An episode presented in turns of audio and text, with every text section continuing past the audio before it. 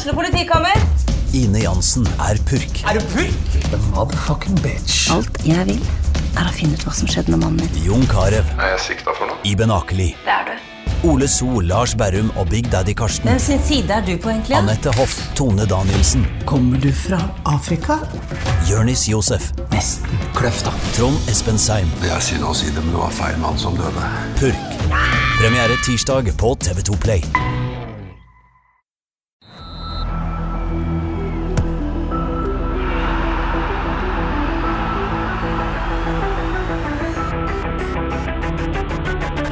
Hei og velkommen til episode 185 av Frelst. Mitt navn er Terje Flateby. Velkommen igjen, Johannes Dale Husebø. Du var her i går òg.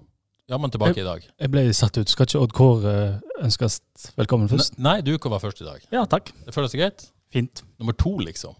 Stig i gradene. Jeg gjør i det. Ja. Nei, det gjør du ikke. Eh, Men det har eh, gjesten i dag gjort, så til de grader. Han har steget helt til å bli styreleder i FKH.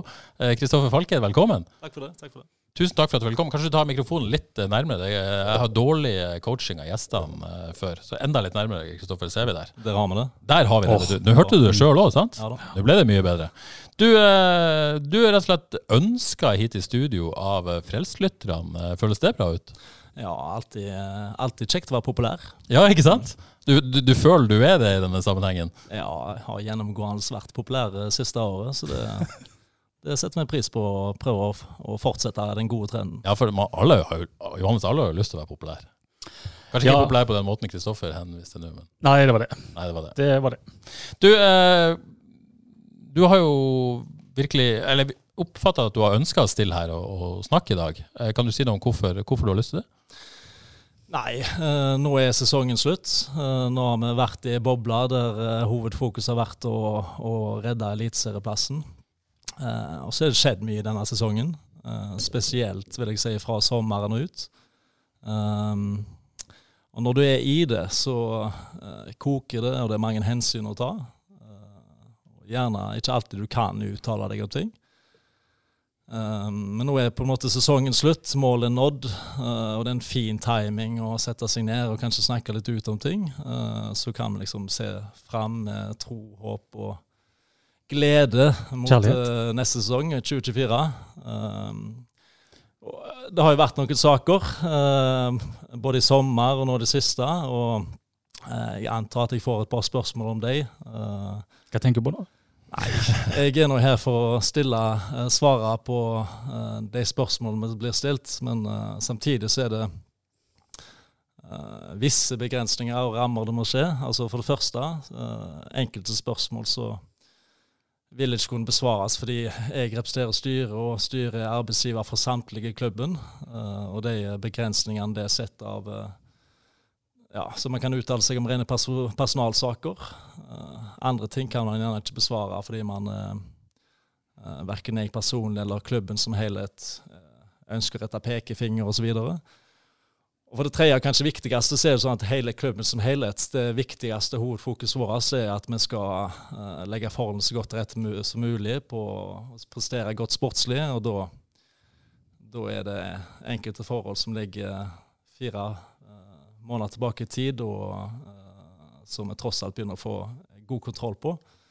Så jeg nå her med blanke ark og intensjon om å svare på flest mulig spørsmål. Og så, hvis det er enkelte ting jeg ikke kan gå inn på, så, så er det greit å bare sette rammene for det innledningsvis. Kan, kan love såpass at jeg ikke har blanke ark, så jeg har, har noe å spørre om. Men jeg er litt nysgjerrig på det.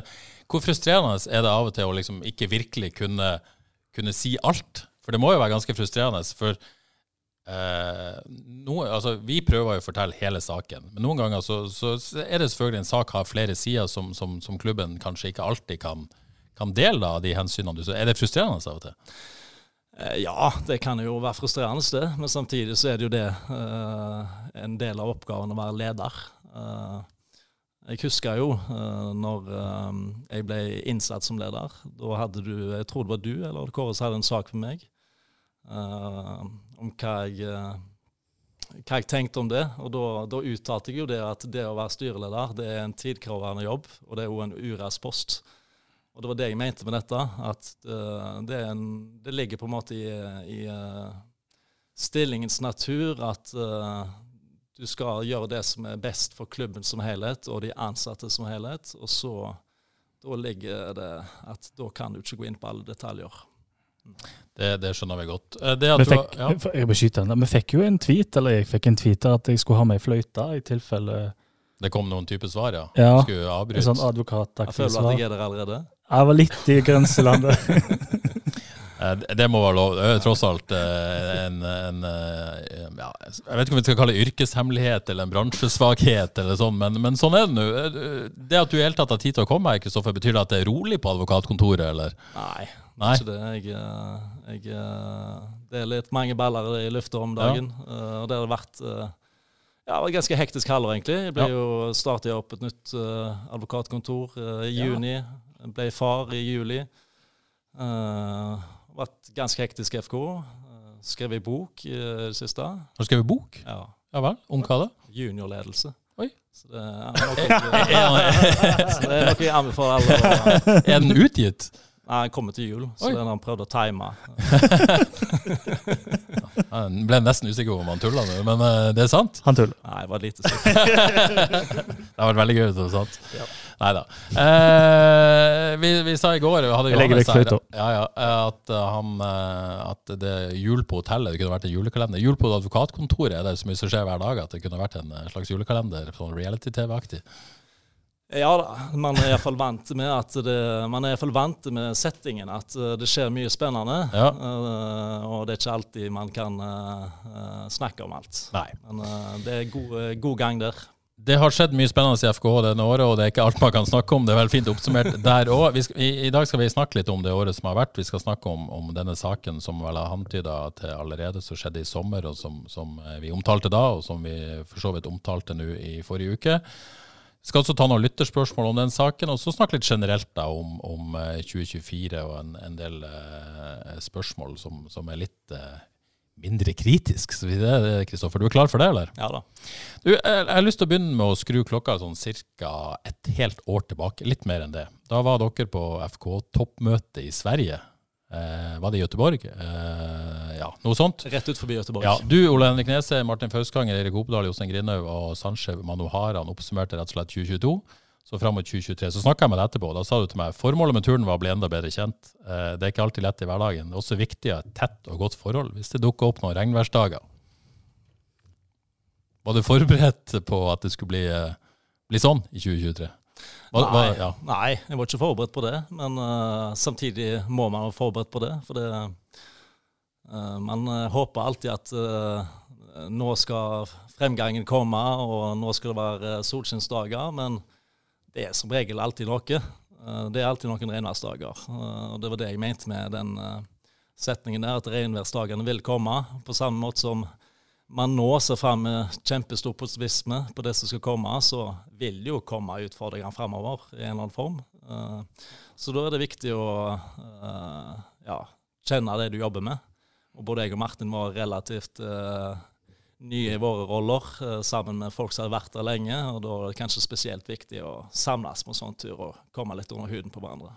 Jeg vet ikke om Johannes, du, du som, som, supporter klarer å sette tilbake til desember 2022. Eh, FK hadde avslutta sesongen råsterkt. Ja, eh, mye positivitet. Det var veldig mye positivitet, og man, man gleda seg til 2023. Jeg husker liksom man, man da og uh, Si, Kristoffer, det du sa også, da, det var at du, du opplevde at klubben var på en god opptur. Uh, vi må smi mens jernet er varmt, vi må tørre ambisjoner, det er vi enige om. Det var, det var, rett å si, da. Ja, ja, men det var ikke noe å si på det. Nei? Det var jo mye positivitet, og det var vel litt penger til å hente spillere etter hvert, iallfall. Ja. Um, så det var jo eh, god grunn for å være optimist, rett og slett. Ja, Og så, kom denne måte, ambisjonen om topp fem sånn, litt sånn krypende etter hvert. Eh, hvor gikk det galt? ja, hvor gikk det galt? Var alle enige om det, forresten? Er det lov å spørre om det? Uh, um, ja, det var nå en samla ambisjon. Uh, og ja Jeg oppfattet at vi var enige om at nå skal vi gi gass, og de økonomiske forutsetningene har aldri vært bedre enn de var da. Uh, og vi hadde, som Terje er inne på, gått uh, avslutta sesongen sterkt. og ja, Forutsetningene lå der, både økonomisk og man mente vi hadde en uh, spillertropp som var bedre enn på lenge. Og ikke minst kanskje det som har skilt seg ut fra tidligere, at vi gikk inn i 2023 med stort sett den samme gruppa som i 2022. At man endelig skulle få kontinuitet og dra videre på den positive slutten. Uh, så jeg mener fremdeles at det var grunnlag for den optimist, uh, optimismen, uh, og det var en enighet om han. Ja. Men spørsmålet da på det store bildet, jeg vet at det er masse detaljer her, men hvor, hvor gikk det egentlig galt? Går det an å svare kort i det store bildet? Det går ikke an å svare kort på det, men jeg kan Nei. svare litt lengre på det. Ja, ja, Spørs hva vi snakker om lengre, men svar du. Ja. Det er god tid. Ja, nei, vi har jo brukt en del tid på dette. Altså, selv om slutten av 2022 uh, var positive, positive, så var jo 2022 som helhet utfordrende, det òg. Vi starta sesongen med fem tap. Uh, og vi endte nå tross alt på en tiendeplass. Uh, uh, men det var jo Ut ifra starten så var det mer enn en godkjent sesong, men sett, uh, isolert sett så var det ikke det noen god sesong, det heller. Og så etter hvert så kom det jo klart fram at ting var ikke helt på stell i klubben. Eh, det ble gitt eh, uttrykk for eh, fra sportsledelse oppover systemet at det var noen gnisninger og jeg vil ikke nødvendigvis kalle det misnøye, men at folk gir uttrykk, uttrykk for at ting var ikke helt på stell, og at det måtte gjøres endringer. Og Så brukte vi en del tid på å identifisere og konkretisere på hva er utfordringen. Hvor er du nå sånn cirka datomessig? Ganske tidlig i 2023. Ja, Altså før uh, sesongen begynner, eller? Egentlig. Altså ja. vi har jo Sånn som FKH er organisert, så har vi ei ledergruppe uh, som består av meg og Martin Fauskanger, Joko Opedal og Ole Hendrik Nesheim. Og så har vi to styrer. Og I ledergruppa så begynte dette å bli diskutert tidlig. Sant? Det er jo en, egentlig en daglig dialog fra Opedal på det sportslige og Martin på det administrative. altså Eh, oppover til er kanskje jeg førstelinja, og så trekker vi inn eh, høvdingen når vi trenger hjelp. Ja, Så det du sier er at når det er rett og slett Opedal som trekker dette inn i, i ledermøtet fra sportslig avdeling? Ja, ja. Uh, og det var egentlig før sesongstart. Uh, og så begynte det å bli diskutert i styrer, i styremøter og utenfor styremøter, både i klubb og AS, fra april. Uh, og Første seriekamp var vel 10. april borte mot Brann. Så vi er allerede fra seriestarten så ser vi at det her er det, ting er ikke på stell. Og så begynner vi å prøve å som jeg sagt, identifisere og konkretisere hvor ligger problemet. Uh, er, det, er det treningsopplegget? Er det trenerne? I så fall hvilken trener? Er det alle trenerne? Er det eh, kombinasjonen av uh, personlighetstyper i spillergruppa? Er det alminnelig slitasje over at man har stanga i veggen over tid? Så dette har vært en eh, kontinuerlig diskusjon det i FK, eh, dels i 2022, 2022 og med eh, forsterka styrke i 2023. Og Utgangspunktet vårt det var at vi um, vi ønska ikke å gjøre noe med trenerkabalen i 2023. Vi ønska, det var et sterkt ønske om å, å, få til dette sammen ut, ut sesongen, og dra dette i land. Samtidig som vi bestemte oss for å uh, sørge for å få på plass den sportslige strategiplanen når sesongen var slutt. Sånn at vi allerede fra sesongslutt og inn i 2024-sesongen uh, eh, var klart til å gjøre endringer. Og så hadde vi ikke konkludert allerede i april på hvilken endring det skulle være. Uh, om uh, man skulle gjøre endringer i trenerkabalen, om det måtte gjøres endringer i, i spillerstallen. Men vi, det er i hvert fall det vi lander på, at vi må, vi, må, gjøre noe. men vi ønsker ikke å, å gjøre noe med trenerkabalen. Vi ønsker at de skal lande i 2023, og så må vi være åpne for at det må skje ting på den fronten etter sesongen. Ja, Så hold ut 2023, og så ta grep da. Men, men konkluderte dere med hva måte problemet var? Vi klarte aldri helt å lande dette. Vi, vi, vi, tenkte egentlig at det var en kombinasjon av flere ting. Og det blir litt sånn høne og egg. Uh, hvis det er en misnøye mot trenerne, så blir det òg fort en misnøye mot uh, treningsopplegget.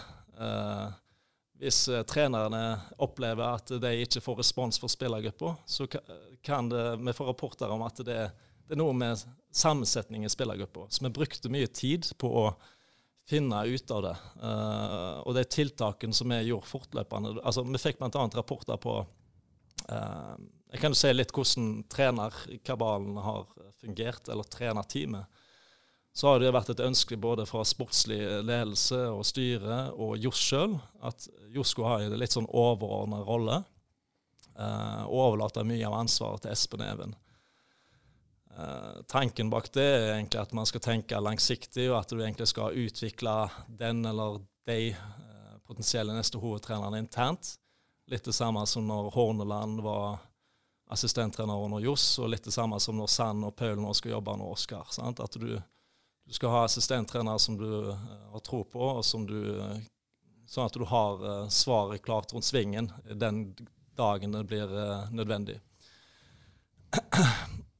Og en av tingene der det nok skjærte seg, var at når vi møtte sportslig motgang, så var et av tiltakene fra styret og sportslig ledelse, og til dels òg etter innspill fra spillerne, at Johs måtte pushes fram og ta et skritt fram og være enda mer sjef i garderoben enn det som opprinnelig var planen.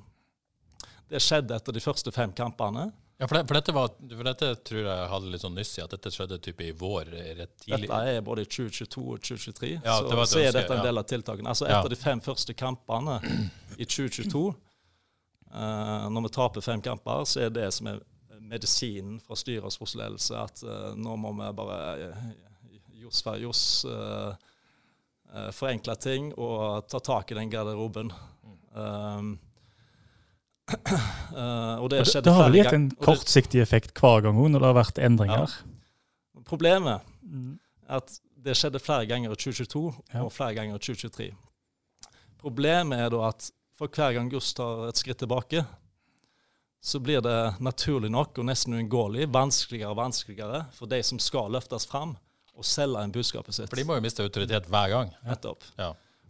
Og det, det, kan vi komme litt tilbake til, men det er jo litt av bakgrunnen for at ting ble som det ble jo når det skjedde en endring i trenerkabalen. Så eh, Johs har gjort alt han kan og gjort en kjempejobb. Espen og Even ingenting å utsette til deg. Kjempeflinke fotballfolk og eh, kjernefolk. og eh, Espen er jo inne i klubben allerede og ser på Even den jobben han har fått. Men pga. ting som ble gjort over tid her, uh, så ble sluttresultatet ikke ideelt. Um, ja. Et langt svar på et uh, spørsmål. Ja, men det, det er et godt svar. Um, jeg vil gjerne skyte noe ja, der, fordi i løpet av 2022 Jeg syns jo alltid at uh, FKH som lag har respondert veldig på disse endringene. Fordi du får jo et kick av det. Noe nytt skal skje, hva nå enn det er. Og det var vel spillestilendring eh, tre ganger i eh, Eller først én spillestil, og så tapte en de første kampene i 2022. Så kom det en ny stil, veldig enkel stil, skal vi si det sånn, med Søder og Badou på topp der.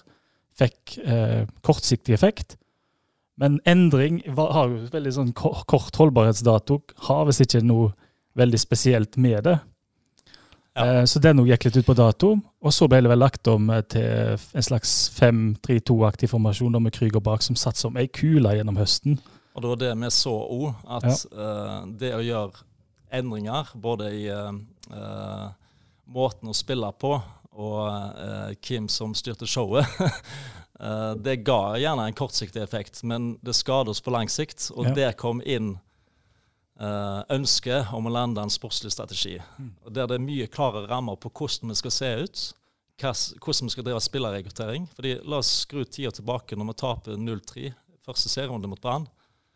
Da, vi, da, spiller vi sånn som vi har øvd på helt siden januar, februar, mars, og sånn som vi avslutta sesongen. Men så foretas en endring inn mot andre serierunde, og da har vi henta spillere sant?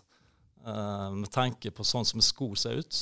Mm. Mens vi har gjort endringer. så er det liksom det vi prøver å uh, gjøre noe med nå, at vi i større grad blir en, blir en klubbstyrt uh, klubb, ikke en trenerstyrt. sånn at når det gjør jobben lettere for Oppedalo. At uh, når han skal hente en trener, så vet han til hvilket lag han skal hente trener. Skal jeg komme tilbake til strategiplan? Uh, hente spillere, unnskyld. Ja. Uh, Dette høres ut som sånn stadig brannslokking. Uh, skulle du, og, og, på et eller annet tidspunkt til sensommeren så, så funka jo tydeligvis ikke dette lenger, da. Uh, sett i ettertid, da. Burde dere gjort andre grep tidligere?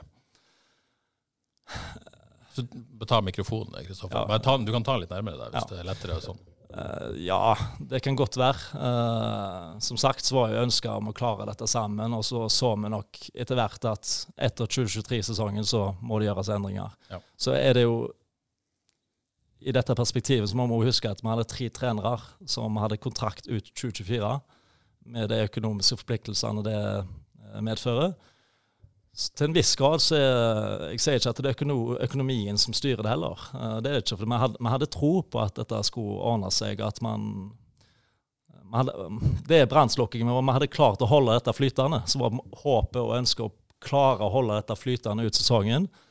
Uh, og så skjedde det ting etter hvert uh, på slutten av overgangsvinduet som gjorde at det ble klart at nei, dette klarer vi ikke å holde flytende. Dette her trenger det nye impulser inn. Det skal vi komme inn på nå. Det at denne treneren dere da sitter med, heter Jostein Grindhaug, kompliserer det det tross alt? Altså, Legende som alle er helt enige om er, er det, og, og, fortjener å være på sokkel utenfor stadion, det at det er han som står i sentrum liksom for, for problematikken, da. Vil en annen trener overleve dette? En utenbysfra? Ja, det er et godt spørsmål. Altså, når du bedømmer situasjonen, så bedømmer du jo historikken. Du bedømmer jo hva eh, Jostein har klart før. Um, det er jo klart at uh, oss som jobber tett med Johs, uh, ønsker jo at han skal klare det. Og han er jo glad i karen. Um, så det kan godt være at uh, ting hadde skjedd tidligere, hvis det var en helt ferske trener som hadde lagt bak seg de to sesongene. Så, ja. Sånt er jo mekanismene. Om man blir litt måtte, følsom, lar seg påvirke av de, rett og slett? da? Jeg vil ikke nødvendigvis følelser, men altså, man, man, man, har en eh, underliggende tro på at uh, eh, FKH har vært i problemer før, og man har klart å lande på beina. Og når du begynner å diskutere dette her, altså uh, skal det gjøres noe på trenersida, så må du jo diskutere ok, hva, hva skal du holde det opp imot. Og da, Det er jo sånn kontinuerlig tankevirksomhet det er på ok, her har vi en kar som man kjenner, og som har klart dette, og vi har vært i Eliteserien nå i 14 år. Uh, andre folk som man ikke kjenner. altså Man kjenner til navnene, men det er ingen garanti i det hele tatt. Uh, la oss nå prøve å igjen brannslukking og prøve å lande på føttene i år og så får vi gjøre endringer etter sesongen.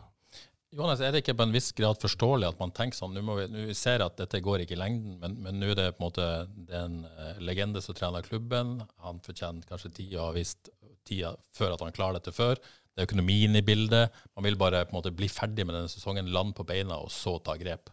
Er det, er det, er det ikke på en måte også forståelig at, at, at, man tenker den veien og prøver i det lengste på å gjøre det?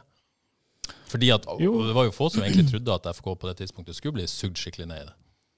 Absolutt. altså Så starter eller avslutter 2022 så positivt og får så mye eh, økonomisk eh, Økonomien for å eh, snur seg. sånn at 2023 ser jo superlovende ut, sånn sett. Um, så får en vel noen varsel i treningskampene, jeg skal bare si det raskt, da. Med at når en møter tøff eliteseriemotstand der, Troms og Lillestrøm, så tror jeg spillerne får seg en liten støkk opp, for de tenker oi, de er et godt stykke foran oss. Um, så det, det, er bare for å ta den lille biten der. Det jeg tenker må være en kjempeutfordrende eh, jobb, som eh, om du er styreleder eller daglig leder.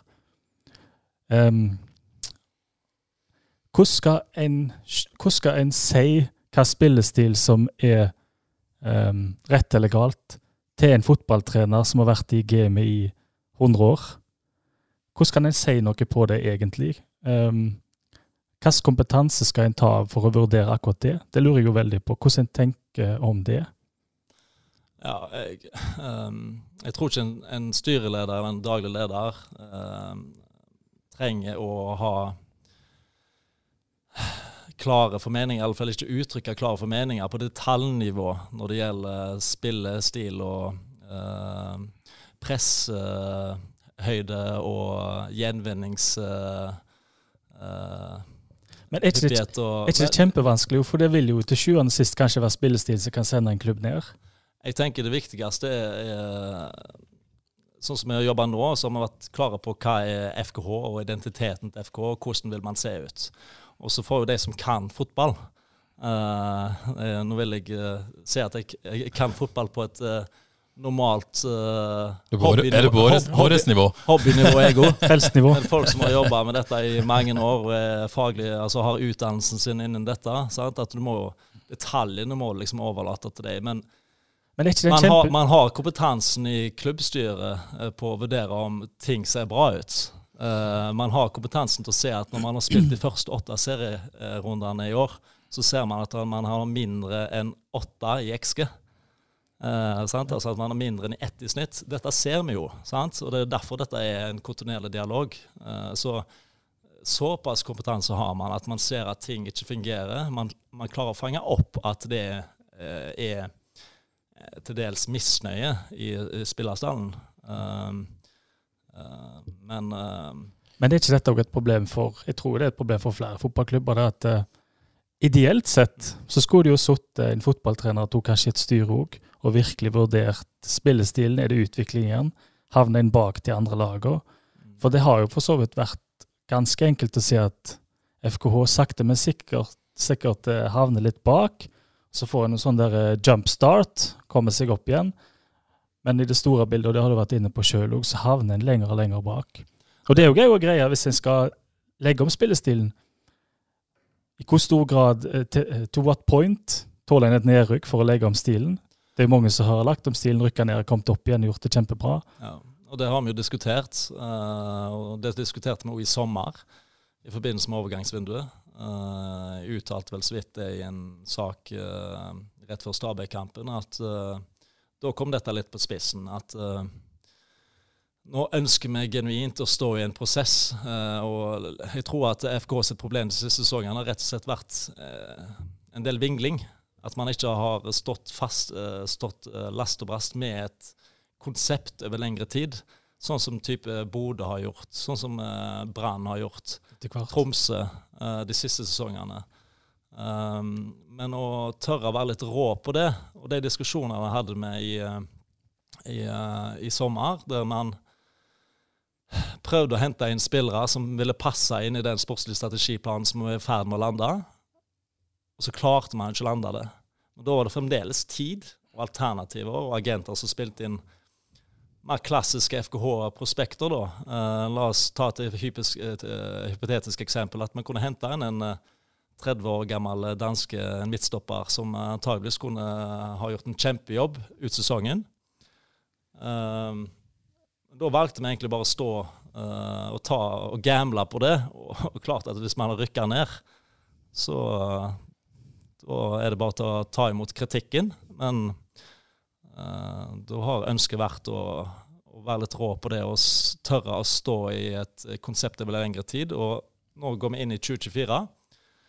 Eh, og det vil antageligvis være en del bevegelse i spillersalen. Uh, og det vil bli henta inn uh, ungt, noen referansespillere. Um, og det er jo klart at uh, Vi håper jo at dette skal ta fyr fra dag én. Men vi må være forberedt på at det kan ta tid. Men da skal vi være trofast mot uh, dette i de neste fire årene. Det er iallfall den store ambisjonen. Skal komme tilbake til 2024 etterpå, Kristoffer. Men uh, sett oss til, til, til august. da. Uh, og Nå har vi snakka om dere på en måte litt brannslokking. Håper at det skal holde og lime det sammen ut i 2023. Du sier vel at kanskje skulle dere gjort noe tidligere, men nå har dere valgt å stå i det. da. mandag 21. august så har Kjell Martin Krüger, Alexander Sørlund og Sondre Liseth et møte med Martin Fauskanger der de eh, da eh, kommuniserer misnøye med, med, det sportslige opplegget eh, som, som spillergruppa har gjort tidligere i sesongen også. Det er vi enige om. Ja, jeg kan ikke gå ut og bekrefte hva okay. spillere som har vært i Nei, nei, men at, Du har jo på en måte allerede bekreftet her at dere har hørt om sportslig misnøye. Jeg kan bekrefte at det ja. var noen spillere som hadde møte med Martin. Uh, ja, så, ok. Ja. Onsdag 30. august da, så publiserer vi denne saken der vi forteller om dette møtet og hva som blir gitt beskjed om da. Så det, det begynner med da. Eh, mellom dette møtet mandag 21. august og denne onsdagen når vi forteller om det, skjedde det noe da på stadion Bortsett fra da at Kevin Martin Krygård mista kapteinspinnet. Nå har ikke jeg den nøyaktige datoen for hva tid eh, det var tre spillere som uh, tok initiativ overfor Martin for en prat med han. Uh, jeg har ikke den nøyaktige datoen på det. Uh, var det 20. august du sa? 21. august. Mandag 21. august. og her, det, her, her, er det enkelte ting sant, som når, når, disse spillerne som dere har skrevet om, ikke selv har gått ut med noe, så kan ikke jeg verken bekrefte eller avkrefte noe der. Men sant, det jeg tror ikke det er noe hemmelighet at uh, det har vært noen uh, spillere som har uttrykt eller tatt initiativ til et møte med, med Martin. Uh, det som skjer, er at Martin vil ha mitt perspektiv på dette òg. Så det blir tatt initiativ til et nytt møte den 29. august. Med de samme spillerne? Med de samme spillerne. Så da er det meg og Martin og disse tre spillerne som møtes på morgenen den 29. august. Uh, og da er det tre spillere som uh, med de beste intensjoner uh, ikke nødvendigvis gir uttrykk for misnøye, men de gir uttrykk for det som vi for, for så vidt har hørt om i en god stund.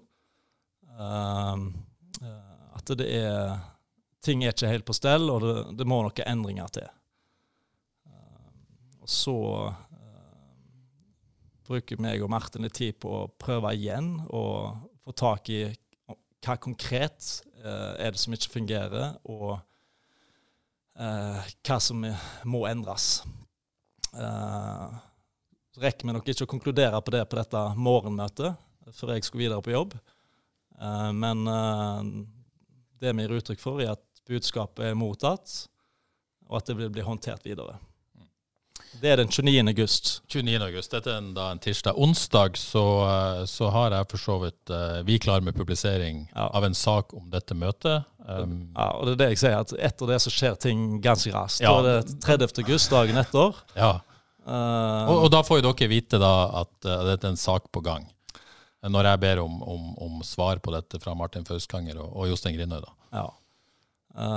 det er den 30. august. Men, men, bare for å stoppe deg litt der ta det møtet, da. Du sier til oss denne torsdagen, da. Så sier du til oss at uh, når det gjelder gårsdagens artikkel i Haugesunds Avis, påstår det at spillerne tok initiativ overfor Martin på vegne av spillergruppa. Det er ikke sånn jeg kjenner saken, sier du. De tre som tok initiativ til møtet, prata først og fremst på vegne av seg sjøl. Står du ved det? Hva, hva uttaler jeg videre der? Uh, det har jeg ikke her. jo, eller det står uh, Uh, jeg vet ikke om det var dette du tenkte på. Det står også at uh, det gis beskjed om hvordan tingenes tilstand oppleves, er ikke problematisk, sier du. Uh, snarere tvert imot. Vi ønsker å være en åpen klubb, og ikke bare eksternt, men også internt blant spillere og ansatte, skrev du til oss. Ja. Men det første spørsmålet først. Står det på det at de snakker på vegne av seg sjøl? ja, det ser jo ikke bra ut i ettertid, men på det møtet der så er det Jeg opplever at det er tre spillere tre sentrale spillere som kommer med de beste intensjoner og sier at uh, ting er ikke på stell og det må, det må, endringer til. Jeg oppfatter ikke at de har noe mandat på vegne av hele spillergruppa. Uh, verken da eller for så vidt nå, men i ettertid så er det iallfall veldig klart for meg at den uttalelsen der uh, ser unødvendig skarp ut, fordi at dette var nok uh, tanker som ble delt av uh, større deler av spillergruppa. Eh, men det var det jeg eh, kommuniserte der, at sånn som jeg forsto møtet der og da, så var det ikke sånn at disse hadde fått noe mandat på vegne av spillergruppa. Jeg er full spillergruppe om å gi uttrykk for misnøye mot Jostein Grinaud. Nei, og det, det, har du vel, det skriver jo i, vi i den saken som ble publisert i forrige uke, at dette var ikke noe alle spillerne var informert om at de skulle ha det møtet. Så du har jo delvis rett, men, men du, du, du, er enig i at de snakker jo på en måte på De deler jo de tankene til spillergruppa. Ja, vi, vi, er enige om det, sånn at der og da, der og da så, var, ja. så, hadde jeg nok ikke det fulle bildet, uh, men sett i ettertid så ser jeg jo at uh, dette var et, uh, et utstrakt Altså tanker som ble delt av større deler av spillergruppa. Ja. Og så sier du også at det som er nytt nå, da, sammenlignet med tidligere, er at det lekkes fra interne møter til media. det er totalt uakseptabelt, sier du, og hvilke konsekvenser det vil føre til opp til ledelsen å vurdere. Nå bruker vi energi på å gjøre oss best mulig rusta til høstsesongen. og så denne dagen, som du sier dette, får da Liseth Krüger og Sørlund eh, ifølge vår artikkel beskjed om at de eh, ikke har noe framtid i, i, FKH. og ikke kommer til å spille for klubben igjen. Um, disse, det at du sier dette, at, at, vi får vurdere konsekvenser, og at de får den beskjeden, henger det sammen? For, fortelle historien der. altså, Som sagt, det møtet var 29. august. Uh, vi ga beskjed om at uh, uh, det var helt topp at de ga lyd. dette tar vi videre, og så skal vi ja, behandle det videre. Dere hører fra oss. Dagen etterpå, 30. august, så kommer denne saken i avisa. så samler vi oss en gjeng på stadion senere samme kveld. Den onsdagen saken Onsdag 30. Ja. august, dagen etter møtet med spillerne. Og da, ja, så Samme dag som den saken kom i avisa. Og da da er det ikke til å stikke under en stol at det var skuffelse og til en viss grad forbannelse over at uh, uh, den saken hadde kommet på trykk i avisa. Ikke nødvendigvis fordi at det var så veldig krise, men det er mer sånn at det, man jobber sammen, og det var interne samtaler. og det, ja, Vi er nå ferdig med det nå. Um, reflekshandlingen til Johs, som òg er samla på stadion, det er at han vil trekke seg. Han vil uh, tre til side.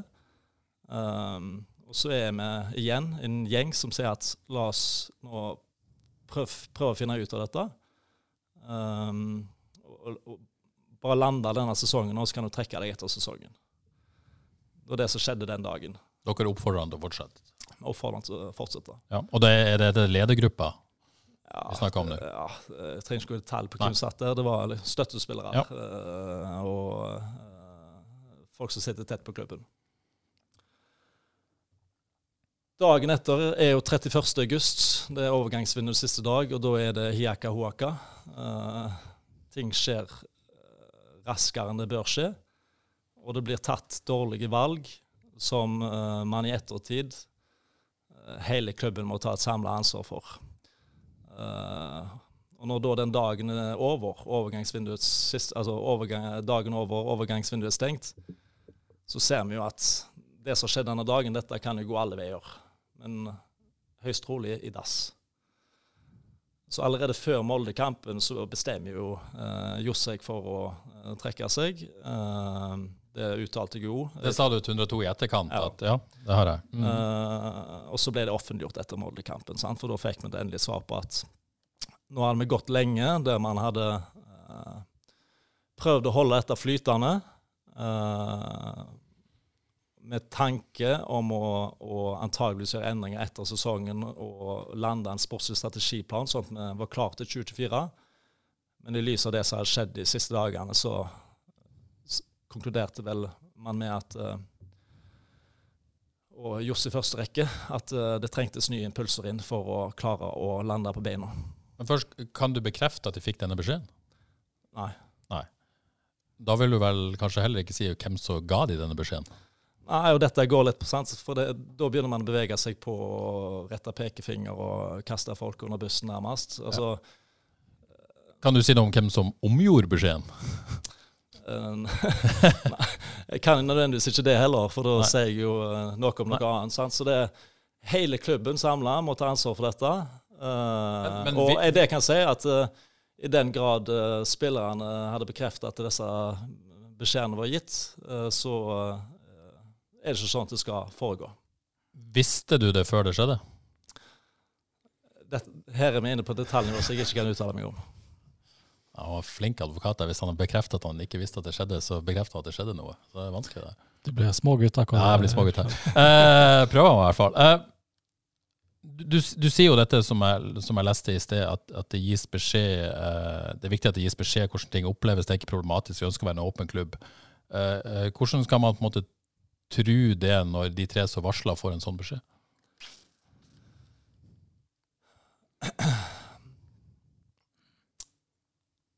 Vi er veldig opptatt av å uh, legge forholdene best mulig rette for sportslig suksess. Og det er klart at det, Da er det viktig med et trygt arbeidsmiljø, der du føler at du blir hørt, og der du føler at du har eierskap til det som skjer. Selvfølgelig alltid en balansegang med hvor eierskap du skal ha, for det er tross alt et trenerteam som bestemmer Uh,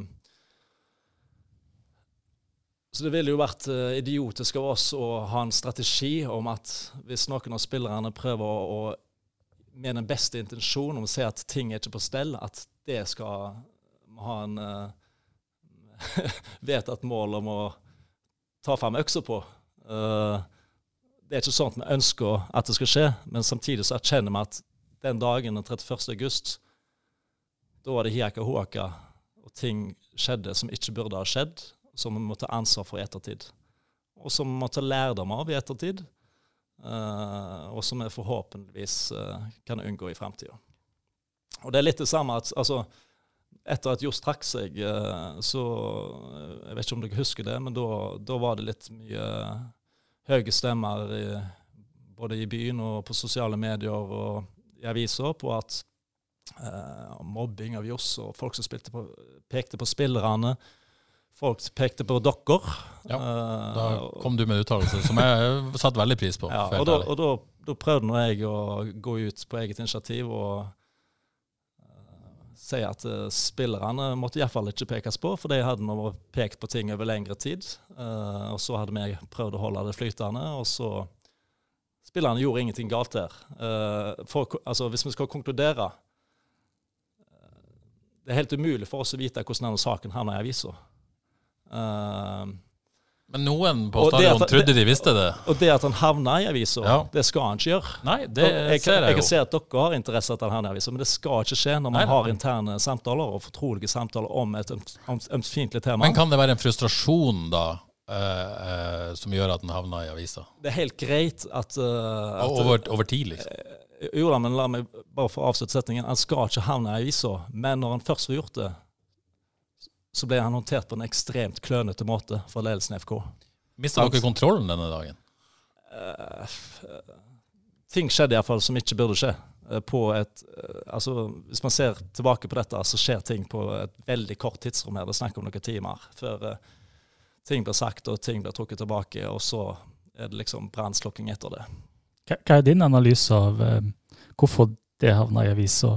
Og òg, jeg kan nesten slenge på hvorfor kanskje jeg da får høre om misnøye om hva som skjer på trening lenge før dette òg? Nei, det kan du godt si, og det er jo noe vi må evaluere. Uh, som sagt så var ikke dette ukjent for meg eller uh, klubbstyret eller uh, ledergruppa. Dette diskuterte vi jo fra sesongstart, og òg styret som helhet fra, fra, sesong, altså fra april. Uh, det er jo klart at det er en liten by, og med en gang det Eh, er eh, Sånne ting fanger så kjapt opp. Altså, det, det, jeg kan si fra, fra Haugesunds Avis i ståsted, vi, vi, visste jo om den misnøyen lenge da, før vi skrev om den. Mm. Eh, men det er klart det skal mye til for at vi velger å gå til skritt. For det, for det, er et ganske alvorlig skritt for oss å gå og fortelle om det. Eh, men det var jo dette konkrete møtet som gjorde det veldig håndfast å ta tak i. Og så ja. åpna jo på en måte, man eh, litt denne boksen med dette med å rote i det med å ta fra Kevin Martin Krüger kapteinspinnet. Som ja. du sikkert vil avvise fortsatt har noe med saken ja, å gjøre. og den, den får folk tro meg for, men den var jo ekstremt uflaks i det store bildet. Ja, dere holder på det, og det, det, det, ja. det, må dere bare gjøre. Men, men det åpna jo på en måte en boks i, i, med tanke på å rote i dette. Ja da.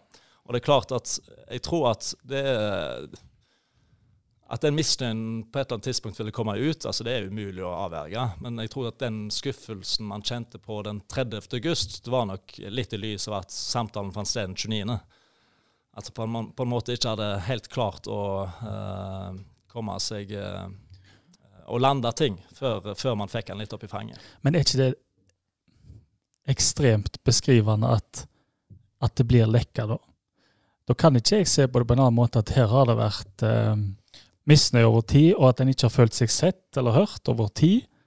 Um, og dermed bare lekker det ut. En føler jo da at ting blir lagt lokk på, istedenfor at en blir sett og hørt. En kommer vel seg ikke unna at det er det som er kjernen. Jeg vil bare understreke en ting. Jeg, kan jo selvfølgelig ikke si noe om kildegrunnlaget til Haugesunds Avis i denne saken, men det er ikke alltid ting blir lekka. Uh, fotballspillere snakker med veldig mange personer. De snakker med samboeren sin, de snakker med vennene sine, de snakker med agentene sine, de snakker med kompiser i andre klubber. Og det, og de snakker med familien sin. Eh, og at, ting blir lekka. Det høres ut som noen lekker noe bevisst for å gjøre noen noe vondt. Det det, og, ja, men jeg, vil bare fullføre dette. Og hvis noen forteller noe til noen, og så mm. forteller noen til noen, og så kommer det en journalist for øret som begynner å rote i dette, så kan man få bekrefta ting uten at noen av de som er involvert, ønsker at dette skal komme ut. Kan Og, så, og sånn fungerer dette. Jeg bare får svare på det, for det er litt viktig, det. for- Ja, ja. Det er viktig deg, for meg også å Ja. si. Uh, når vi er ferdig med denne dagen altså Ledelsen i FK har ikke grunnlag for å, å rette pekefinger mot noen som helst. Uh, så Man må ikke få et inntrykk her nå at det er en sånn eh, At ledelsen i FKH har en klar mistanke eller har konkludert på at det var han eller hun som snakka. Eh, det var nok til en viss grad det den 31. august, eh, for da var dette såpass ferskt. Men når vi eh, reiv av plasteret der etterpå, og vi fikk inn Sand og Paul, og vi hadde all fokus på å redde serieplassen, da bestemte vi oss i alle fall for internt at for det første, er dette finner vi aldri ut av. For det andre, eh, hva betyr det? Eh, Dette er vi ferdige med. Og for det tredje, det tjener ingen å, å, å liksom eh, bruke energi på dette videre nå. Så det er liksom, det er fire-fem fire, fem måneder tilbake i tid, dette. Så bare for å ha Ja, da, og, og grunnen til at vi, vi, det, vi har jo fått kritikk for å helt ta opp denne saken. Så det er jo mange som, som er glad i FK, som syns vi burde bare dø, dø begravet. Men, men igjen jeg anbefaler å lese kommentaren til Einar 2 eh, for å fortelle hvorfor vi, vi skriver om dette. Og, og jeg, jeg syns jo det at det skjedde, forteller noe om hvor FKH var på det tidspunktet den dagen. Si noe om hvor, hvor, hvordan, hvordan ståa var. Eh, Kan jeg få skyte en ting? Det er bare det om at uh, det vil jo alltid være misnøye i en klubb fordi folk spiller ikke, Ja, og la, la, la. Så alle har sin agenda. Men jeg vil også si at det har vært betydelig i dette tilfellet. Det tror jeg kan, vi kan stå inne for å si. det kan vi stå inne for. Men, uh, Ja. Er dette den verste dagen du har hatt som styreleder? Den 31. august? Uff, Ja, eh, det er vanskelig å si. du hadde mange. du hadde sammenlign- Hvis du hadde sammenlignbare dager, så vil jeg gjerne høre om dem. Jeg vil vel kanskje si at det var den 3. sep- 3. desember, faktisk. Eh, Ja, nå har Jostein uh, takka for seg. Nei, siste serierunde. Og siste serierunde, ja. Sånn, ja. Men det gikk jo bra. Ja da, men før kampen, altså Ja, ja. jeg ser det. Så, så litt hvordan eh, Altså, Men, men, hadde men vi rykka ned der, så hadde det ikke vært bra. det hadde ikke vært bra. Du, du, du vil jo ikke kaste noen under bussen her, eh, Kristoffer. Er det til syvende og sist det som skjedde den dagen, ditt ansvar? Ja, eh, det er det. er, jeg er styreleder, og det er øverst ansvarlig for dette her, så da, da er det jo eh, til syvende og sist det. Har denne saken vært så alvorlig at du har vurdert din stilling? Nei. Nei. Det har jeg egentlig ikke. Nei. Eh, Jostein Grindøy eh, har jo takka for seg uten at eh, jeg kan Jeg kan ikke slå fast at det har noe med denne saken å gjøre. Men er det, er det, burde denne saken fått konsekvenser for flere? Ja, nå eh, kan vel ikke dere konkludere om han har fått, fått konsekvenser for noen i det hele tatt? Nei, det kan egentlig ikke det. Eh, Derfor, som, som sagt, jeg, jeg jeg, jeg prøver å være litt åpen på at uh, når, når ting skjer som det skjer, så, ser- så, så ser jeg jo sjøl at av hensyn til klubbens beste, og det målet er å holde eliteserieplassen, så var det nok best med helt nye impulser. Uh, og så tror jeg ikke at man skal legge ansvaret på enkeltpersoner eh, her, men ansvaret ligger på eh, meg som styreleder og, og hele ledergruppa og styret som helhet. Og så får vi bare ta inn over oss at dette ble ikke løst på en god nok måte. Og så får vi gjøre alt i vår makt for å neste gang, når det koker så mye som det kokte på disse timene, puste ut. eh, ta et steg tilbake og ikke gjøre noe overilt. Ja. Og så hadde vi jo litt sånn eh, ja, Det er ikke noen unnskyldning, men bare for å sette et perspektiv på det. Det er 31. august, overgangsvinduet stenger, og det er denne dagen spillerstallen for resten av sesongen skal fastsettes. Så det, liksom, midtstopper sitter på et fly i Canada og har lyst til å fly, men får ikke lov, og det, diverse. er, det, er en perfekt, er en perfekt storm av flere forhold som er denne Ja. dagen. Eh, du, du har jo fikk jo muligheten til å svare når vi publiserte denne saken om, om disse dagene. Og Da skrev du at eh, du, du erkjente at en del av dette er korrekt, og det, det gjør du for så vidt i dag. Men du skrev også at noe er feil. Ja. Går det an å si noe om hva som er feil? Kan ja. du? Nei. Da hadde jeg gjerne gjort det. Er det trist å ikke kunne si det? Nei, men jeg tror jo at, at folk ser Altså det, det kan være en irritasjon av til. Det er Såpass åpen kan jeg være at man nødvendigvis uh, tar, eh, tar for 100 alt som blir beskrevet i media. Sant? Som regel så har media uh, bygget sine saker på forståelsen som noen uten at jeg har grunnlag for å vite hvem det er, noen sin syn på denne saken. Og så preges det av hva syn de har, og hvilke opplevelser de har av saken, og hva de vet. Og så er det andre som har et annet syn på saken og har en annen rolle i saken. Og alltid så er det en sånn mellomting her. Kan det være at, kan det være at uh, ikke nødvendigvis noe i saken er feil, men at en sak har flere sider, så den sida av saken vi ikke har fortalt, er det mer korrekt enn at noe er feil i saken?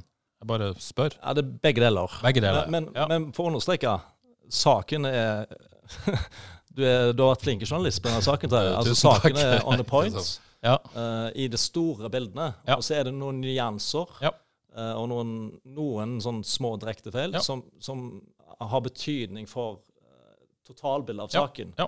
Men uh, at, at, dette er en kritikkverdig sak uh, uansett, det ja. er helt klart. Og, og, igjen så, så, har jo jeg uh, spurt dere hvis det er noe feil, så vil jeg gjerne mm. at dere skal påpeke det. Men det har dere sannsynligvis ikke muligheten til å gjøre, da. Det er jo egentlig det du sier. Mm. Ja. OK, bra.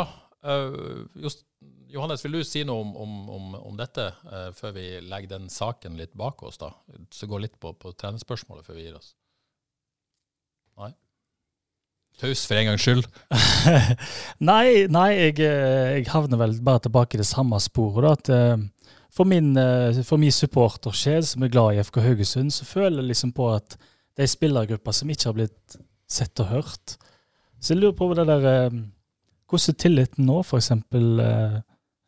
Fra spillergrupper til trenere og ledelse? Har du noen tanker om det? Ja, jeg, uh, For eksempel Julius Eskesen ja. lekker jo litt ut i, et, uh, i, en prat med Radio 102 der etter mm. siste kamp. Nei, uh, som sagt så, så, brukte vi litt energi og ja, muligens litt for lang tid på å identifisere hva er konkret problemet.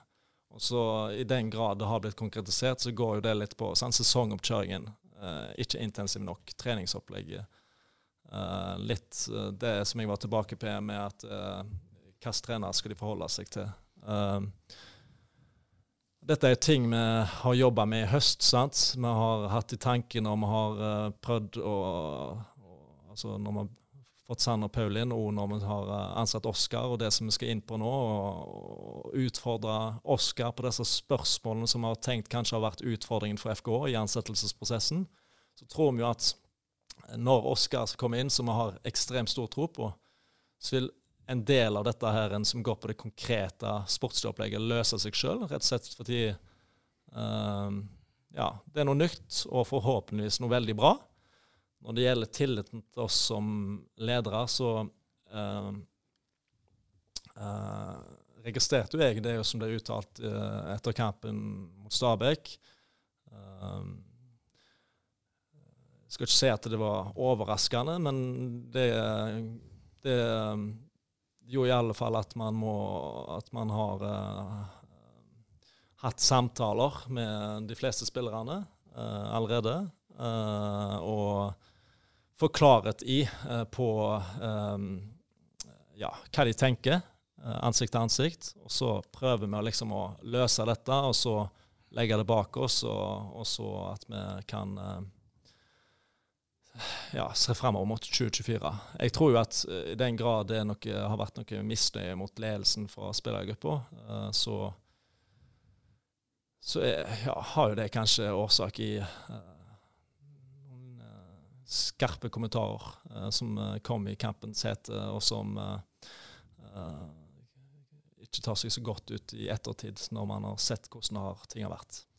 Tror du det er spillere som kommer til å forlate FKH i 2024 før sesongen, da, på bakgrunn i misnøye over tid? da, At man ikke har tillit til, til klubben, rett og slett? Og uh, at man ikke trives i, i opplegget? Det, det, har ikke jeg noen forutsetninger for å uttale meg om. Jeg håper, jeg håper, i alle fall, og jeg, det er sånn jeg, er sånt jeg opplever det. Jeg opplever at uh, spillerne nå har hatt uh, noen, fire måneder på slutten her, der de har fått en skikkelig opptur, både sånn sportslig, men òg kameratslig. At det har blitt gøy igjen. Det, altså Det en ser på banen, lyver jo ikke. Nei, og, så det har jo skjedd noe. Og eh, det tror jo vi at spillerne òg har tro på at det bare skal bli forsterka ytterligere når vi nå får en Råtas fra Island inn på sidelinja. Så jeg tror at uh, hele klubben, og da både ledelse og trenere og spillere, klarer å legge dette bak seg og si at uh, gjort er gjort, spist og spist, og så gir vi gass videre. Ok, uh, du, du, Vi har snakka en del om trenerspørsmål, skal ikke ta så mye. Men, men, men, uh, men du, du, gir jo beskjed at, at Jostein først ville trekke seg da når, når, denne saken kom ut. Dere overtalte han til å fortsette, og så, og så kom denne torsdagen. Og så bestemmer han seg på lørdag, og dere på en måte aksepterer det. da. Uh, og så trekker han seg etter Moldekampen. Um, og bekrefter jo egentlig at det har en sammenheng mellom dette bråket og at han trekker seg. ut, ja, altså, han, han, blir vel klar over i løpet av disse dagene at det, nå må vi få inn nye impulser. Ja, ja. det blir klart. Men, men uh, hadde han uh, trukket seg uten at denne saken kom i media? Og det påfølgende da bråket som fulgte etter saken kom i media? Det er vanskelig å si, fordi at uh, jeg tror både Johs hadde ønske, og vi hadde ønske om å lande dette ut denne sesongen. litt for å gjenta meg sjøl, og så virkelig vurdere hva Uh, om uh, vi kunne holde dette flytende videre, eller om det hadde vært en god timing for å gjøre en endring. Men det som skjer på slutten av overgangsvinduet, det er jo uh, Sånn som jeg har sett på denne saken i ettertid, så var det ikke nødvendigvis sånn at jeg har hørt litt det dere har sagt, at uten trenerbytte så hadde det blitt nedrykk. Og uten saken så hadde det ikke blitt et trenerbytte, holdt jeg på å si. Og, altså, vi har ikke slå det fast, men, eh, halleluja. men, det er jo mange spillere som har vært veldig tydelige på at de tror det har blitt nedrykk òg. Ja, men bare for å nyansere ja. det, sånn som jeg har sett på det, så det kan godt være at vi hadde klart å holde dette flytende hvis vi tar i vekk det som skjedde. Men så var det ting som skjedde på slutten av overgangsvinduets dag. Ja, ta vekk støyen. Ja, ta vekk ja. det som skjedde de timene. Ja da var det på en måte ingen vei tilbake. Nei. Da måtte det nye pilser inn. Men uh, hadde, hadde, man uh, uh, fått tid til å, etter den 29. august, å sette seg ned og prate om dette etter overgangsvinduet slutta, kan jeg, skal ikke se bort ifra at man hadde klart å løse det, men ja. det, det, det vet vi jo ikke i dag. Du sa vel også etter at, at, at Grindhaug eh, trakk seg, da, at eh, klubben intensiverte jakten på en erstatter. Du har jo antydet her at man, man, skulle se på nytt etter 2023. Var det på mange måter allerede bestemt at Jostein Grindhaug kun skulle trene FK ut 2023? Nei, det var ikke bestemt. Det var ikke konkludert? Nei. Dere, men dere var allerede i gang med å se på mulige løsninger? da, eller? Du brukte ordet 'intensiverte', eller er det en tilfeldighet? Ja, jeg intensiverte eh, jobben med den sportslige strategiplanen. Jeg intensiverte jakten på en erstatter, faktisk. Ja, Var det jeg sa? Ja. ja ok, Da er det mulig at jeg har uh, formulert meg uh, Uttalte jeg det ja. her nå i podkasten? Uh, nei, du, du, sa det til Haugesunds Avis. Du, du, skrev det til og med. etter at Jostein gikk av, at dere intensiverte jakten på en erstatter. Å oh, ja, sånt ja. Etter at Jostein gikk av? Ja. Ja, nei, ja det ikke begynte. Igangsatt er vel en bedre formulering. Altså, vi, var, vi, hadde ikke vært på jakt etter ny, ny trener før Jostein gikk trakk seg, nei. nei. Men det var i hvert fall helt i det blå om, om, om, om Jostein kom til å fortsette i 2024. Det kan vi da være enige om. Uh, som sagt, vi, vi, vi, var veldig åpne for begge sider, ja. både for treneren, for styret og, og sportsleder side, at uh, vi måtte gjøre noen endringer etter sesongslutt. Ja, og så, når denne uh, ja, vi skrev jo denne saken, uh, gjorde den klar til publisering, sendte den til dere for å få et svar. Uh, og, og, mens uh, vi venta på et svar fra, fra dere, så, så, annonserte dere at, at Jostein takka for seg i FK og, og, går ut dørene på, på stadion. Mulig han har gjort det allerede, men, men 31.12. formelt sett. den timinga at det kommer mens det, før denne saken kommer, Likte, likte, du den? Uh, nei, jeg gjorde egentlig ikke det. Uh, men jeg forstår uh, Ja. Var det tilfeldig? Nei, det var ikke tilfeldig. Um, som jeg uttalte flere ganger i løpet av høsten, altså etter Johs trakk seg, så gikk jo han i en sånn rådgiverrolle som egentlig bare var for å ha han hvis man mot formodning fikk bruk for han, holdt jeg på å si, og man hadde et ansettelsesforhold på han, og, og ikke landa på den uh, på den uh, mens ting sto på som verst med seriesesongen, og så skulle vi heller bruke høsten på å uh, kjenne på det begge parter. Altså hva ville Johs, hva var best for klubben, og hvilken rolle var i så fall Johs klar for. Og så landa etter serieslutt. Og uka etter Stabøk-kampen så tok vi den praten og konkluderte uh, begge parter egentlig at, at det sikkert var best å, å avslutte det. Um, og så kom jo denne saken. Da var, vår tanke egentlig at dette legger vi ut mot jul. Uh, men uh, da ville vi ikke at den saken skulle bli publisert mens det fremdeles utad var helt i det blå eh, hva som ville skje med Johs og de ja, Da så vi bare litt for oss eh, reaksjonene som Johs ville fått, og at det var en litt sånn uverdig eh, avslutning. Ville det se ut som han nesten fikk sparken da, hvis denne saken kom først, og dere publiserte det etterpå? Ja, altså optikken det, det. det. Sånn kan jo kanskje noen tolke det uansett, men vi ville i alle fall at vi skal liksom ha kontroll på at han uh, han skulle få sin velfortjente hyllest uh, før den saken uh, kom ut, og så uh, fikk den saken komme etterpå. Ja. Det var iallfall tanken. Det ble vel sagt om ei sentral rolle fra Fausganger? Ja, mye som blir sagt i kampens hete, holdt jeg på å si, men det er jo ingenting som har vært konkludert der på noe som helst tidspunkt. vi var usikre på hva Johs ville. så vi har liksom bedt han om å eh, tenke på dette i fire måneder nå. og så eh, Ingenting hadde gleda meg personlig, iallfall, at uh, forholdene lå til rette for at uh, vi kunne hatt uh, Johs videre i en eller annen rolle. Men uh, her så vi vel nok at både han og oss at forholdene lå kanskje ikke helt til rette for det nå. Ja. Hva er det spørsmålet? Hvordan er det med han? Kan jeg spørre om det? Uh, ja, det burde jeg nok uh, helst uh, prate om sjøl, men det er jo selvfølgelig tøft for han. han. Ingenting han ønsker mer enn å klare dette. Og så var det en litt sånn trist, trist tid. Det var han sjøl som så dette og tok det initiativet, og det syns jeg jo Når skjer det i andre klubber? Uh, det tror jeg òg at folk kjenner jo så godt at folk skjønner òg at det er faktisk han som har tatt initiativet. Men han har uh, vært i en sorgprosess siden det. Um, og det er derfor vi ikke har pusha han på å lande dette før liksom, sesongen var slutt. Ok, Kristoffer. Eh, jeg har noen spørsmål fra lytterne. Normalt sett så fletter jeg jo det inn, men jeg hadde liksom lyst til å holde gangen i det. Så noe av dette har du allerede svart på. Men hvis det er greit, så tar vi det. Og så hvis vi føler at vi har svart på det, så går vi bare videre. Er det greit? Ja da. Eh, Eirik Nymark Esprås har til og med tre spørsmål til deg. Eh, sett i bakspeilet, kan det tenkes at styret ikke tok misnøyen i spillergruppa nok på alvor da dere konkluderte med at trenerteamet hadde full tillit i sommer? Eventuelt burde styret vært bedre informert på det tidspunktet? Jeg tror ikke det skal være at styret ikke er informert. Uh, vi har vært klar over ting. Uh, vi har vært klar over at det har vært um, ja, gnisninger og til dels en misnøye eller en frustrasjon. Uh, som vi har prøvd å holde flytende ut sesongen. Oh, ja, kanskje. Kanskje burde man ha gjort endringer tidligere, men jeg har vært litt inne på det allerede. Altså, det skjedde en totalvurdering, og så ble det som det ble. Ja. Så spør han eh, hvilke ord vil du bruke for å karakterisere den måten FK framstår på som arbeidsgiver i Haugesunds avisartikkel? Nei, det er jo ikke noe vi vil være bekjent av det. Uh, jeg, eh, jeg, har jo arbeidsrett som mitt eh, fremste fagfelt. ja. Gjør det det ekstra vondt for deg? Nei, altså, nei. For du vet jo virkelig hvordan ting skal være. Saken gjør jo vondt uh, som uh, alle saker der det skrives negativt om FK.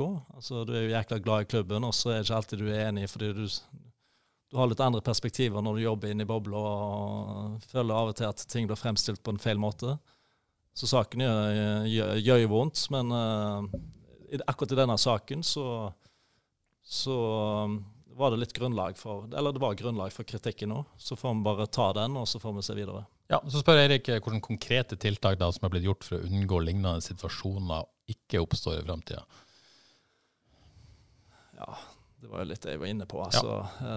uh, dette er jo ikke Man ønsker jo ikke å fremstå på denne måten, og ønsker ikke å opptre på denne måten. Og bare sørge for at i den grad det koker neste gang, for det vil koke flere ganger, det koker ofte. Og ofte klarer vi å lande på beina uh, og gjøre ting på en riktig måte. Denne gangen klarte man ikke det. Ta lærdom av det og, og ja, bruk tid før det blir uh, iverksatt drastiske handlinger. Ja, Redde Norskog spør om dette kunne vært unngått om man tok signalene alvorlig nok på et tidligere tidspunkt. Det føler jeg du har svart på. Uh, Kim Are uh, skriver ledelsen har åpenbart ikke bedrevet god ledelse overfor spillergruppa i 2023. Jeg vet ikke om du nødvendigvis enig i det, men hva har gjort for å gjenopprette tilliten? Det var jeg vel inne på i spørsmålet fra Johannes i sted. Så, så også spørsmålet fra Kim Are er prosessen ferdig, og kan den prosessen medføre endringer i sammensetning, ansvar og oppgaver i FK? Ja, det er jo litt uh, Altså Det er ikke sånn at styret, verken styret eller styrets leder, uh, prøver å uh, gå etter spilleren hele tida og spørre hvordan har du det. det skal vel ikke være sånn heller? Skal ikke være sånt. man må for å ha litt struktur på dette og orden i sysaken, så prøver vi liksom å, at ting blir meldt i riktig fora. At ting blir uh, meldt. Altså, I den grad det er eh, innspill på ting som må endres, så skal det meldes til trenere og sportslig ledelse.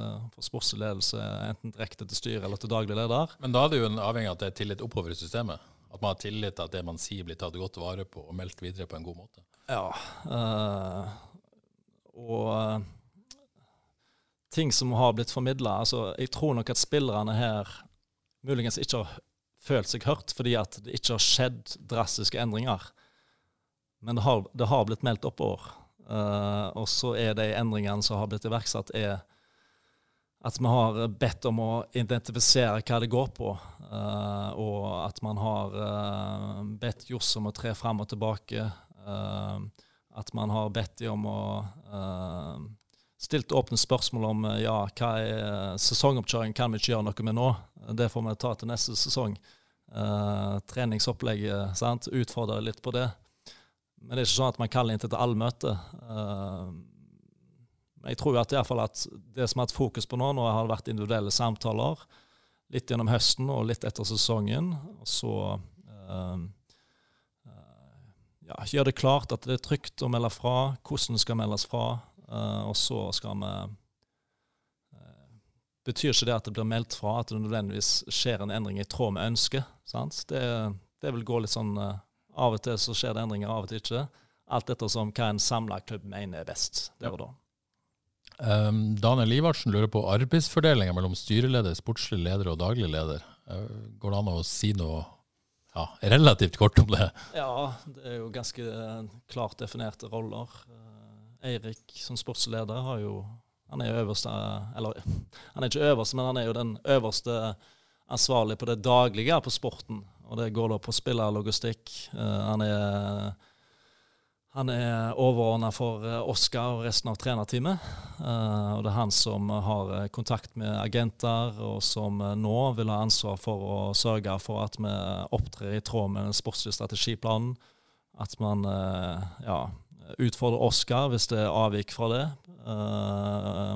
Hente inn spillere som passer inn i det.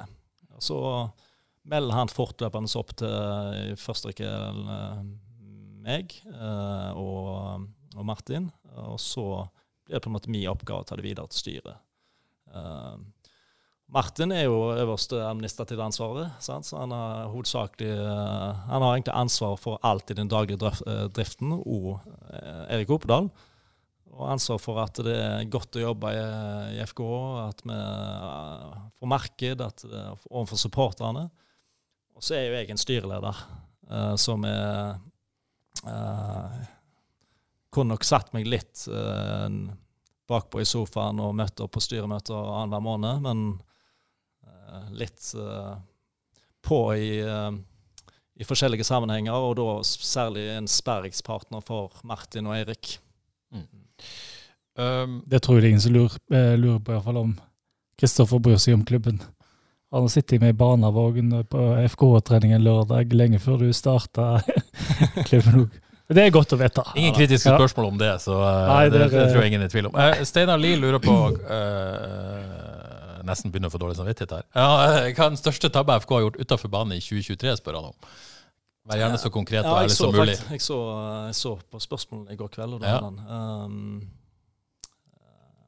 tror nok uh, sånn sett i ettertid uh, Men det er vanskelig, da. Men uh, vi hadde jo et høyt bud på ja, Hvis vi ikke bare skal snakke om denne dagen, 31. august Dette gjelder jo, gjelder jo egentlig alt, da. Vi, hadde, vi, hadde, jo et høyt bud på Kevin Krüger. Ja. Um, Fra Vålerenga, sant? Ja. Uh, det kan jo være at uh, sant, når han gikk ut av kontrakt, at det var uh, noe man burde ha slått til på.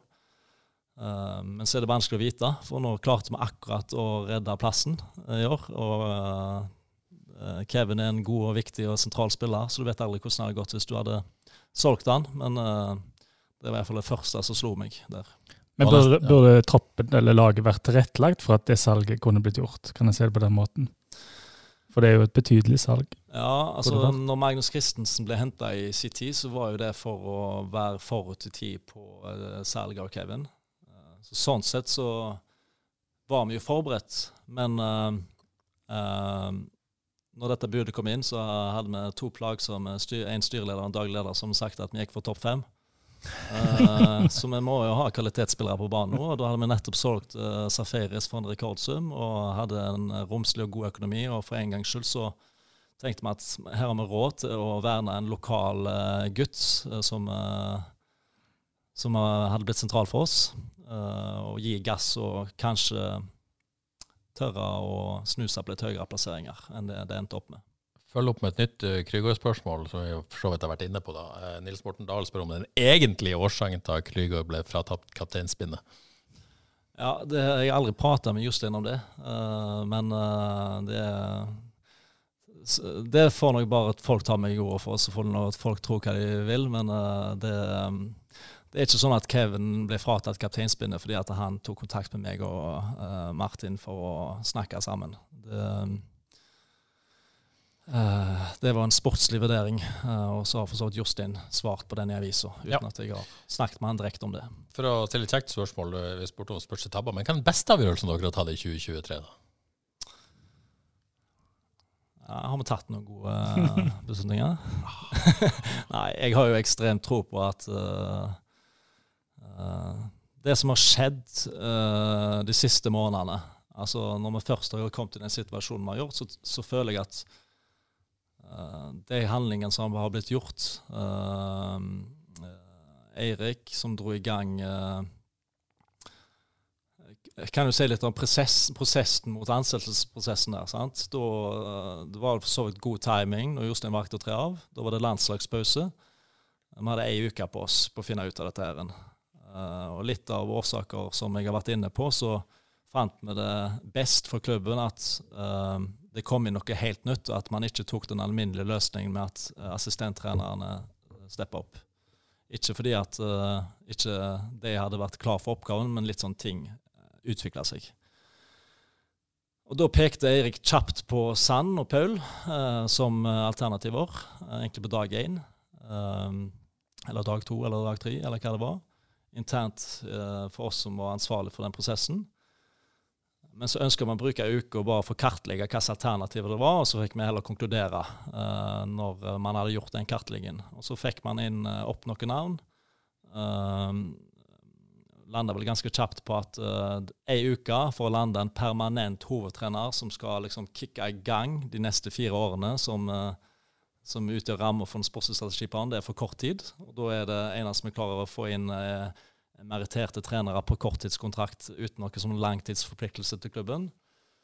Og da eh, var Eirik sin klare innstilling på at eh, Sand og Paul er to flinke karer, og, og, og anbefalte å gå for dem. Så det var en god beslutning, å gi dem sjansen. Eh, at de, å se at de hadde personlighetene og ferdighetene til å gå inn i den spillergruppa med ungt pågangsmot og en uh, litt sånn uh, ekstrem, uh, uredd innstilling, og bare spre litt glede. Det var nok akkurat det denne spillergruppa tenkte da, heller enn en tre trenere som skulle inn der og kjefte og smelle. Kanskje ta et Sandserv-spørsmål her da fra, fra Daniel Mikkelsen. Uh, han skrev imponert over den jobben Sanchez har gjort i høst. Kan han være framtidens mann for FK? Du var jo inne på her at man ønsker å ansette assistenttrenere som nesten kanskje kan være arvtakere. Men klarer FK å beholde han lenge nok til at han kan bli det? Det er vel egentlig spørsmålet til Daniel. Ja, jeg håper nok det. Altså, litt sånn uh, Sanchez er jo en ambisiøs mann. Uh, Og han har nok kost seg ekstremt de siste månedene. Det tror jeg vi kan være enige om. uh, og det har sikkert gitt mersmak. Ja, det kan vi òg være enige om. Uh, samtidig så har vi vært klare på at uh, nå rykker jo for så vidt Sanchez opp ja. fra akademisjef til at han er en sentral del av trenerteamet i Eliteserien. og han kommer til å få mye ansvar. Og litt som jeg var tilbake på, vi ønsker Sanchez videre. og at han kan suge til seg mest mulig kunnskap og erfaring under for Oscar.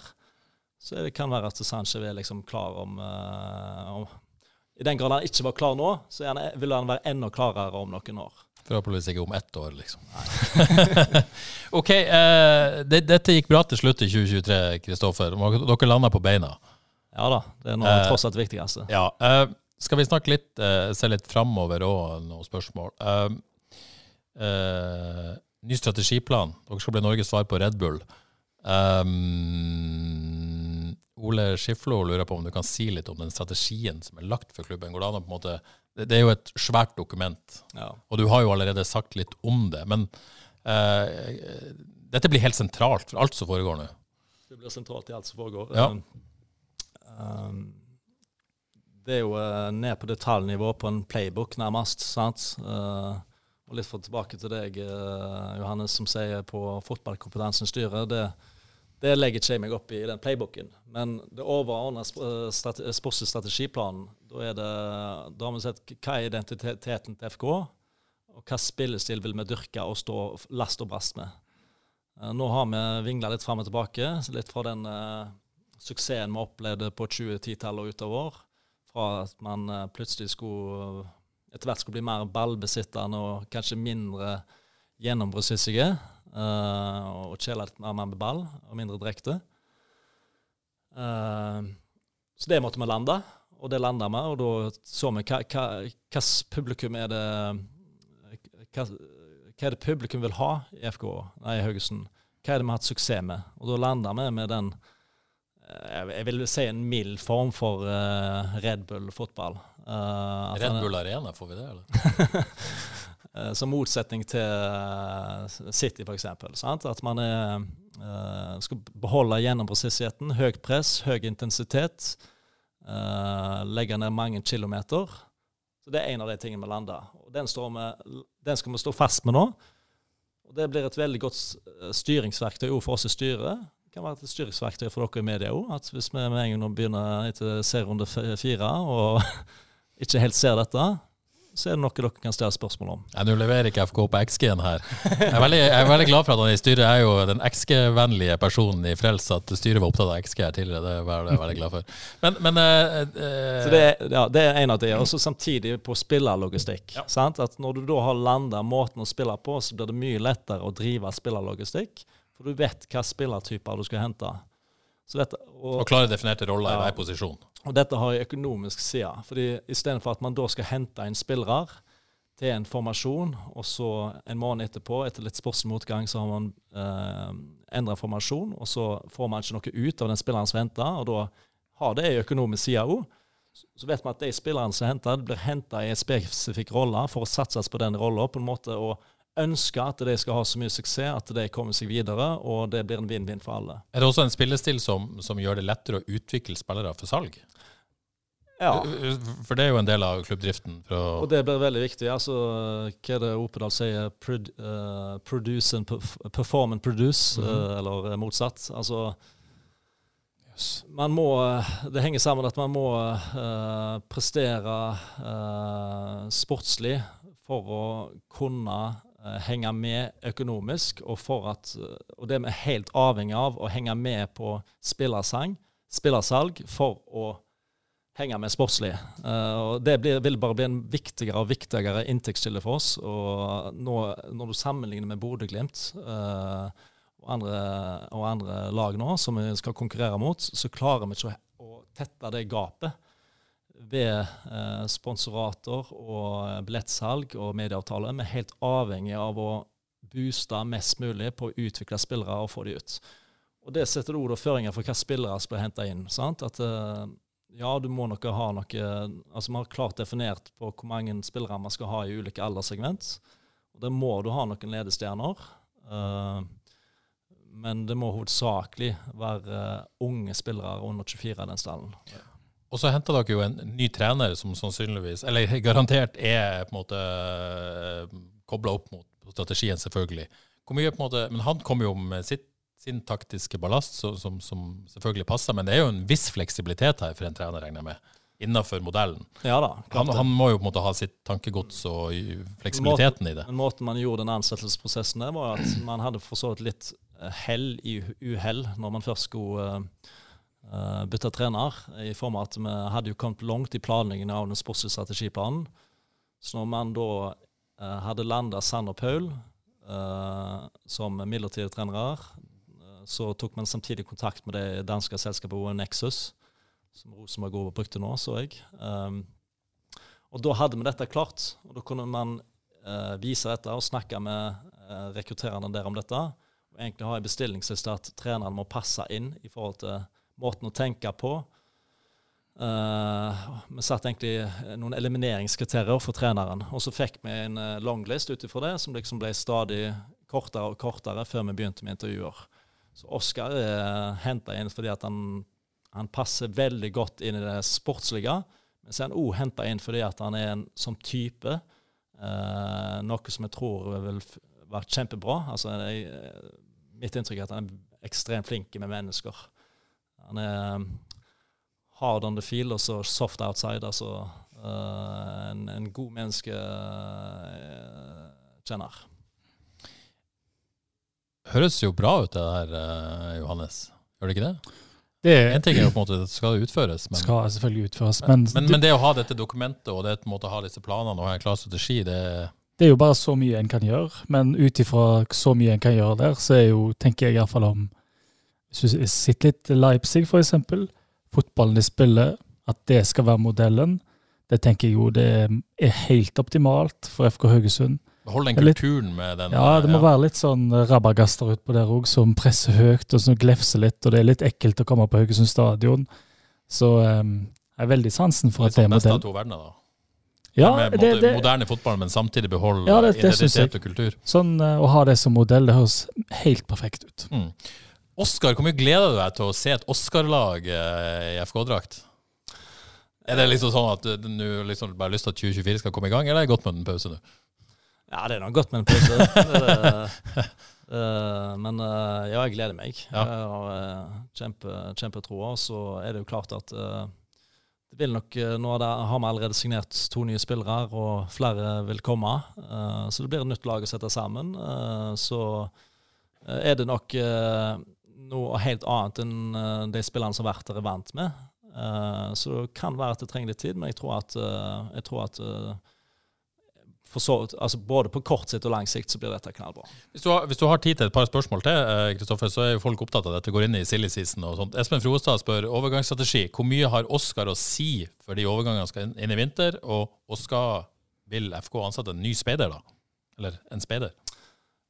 Ja, sånn som jeg har gjort det, så eh, Opedal henter ikke en ny spiller uten at han liksom har tommel opp for hovedtrener. Eh, samtidig så det må jo være en felles forståelse at eh, Opedal skal føre kontroll på at en hovedtrener ikke henter inn spillere som ikke passer til en sportslig strategiplan.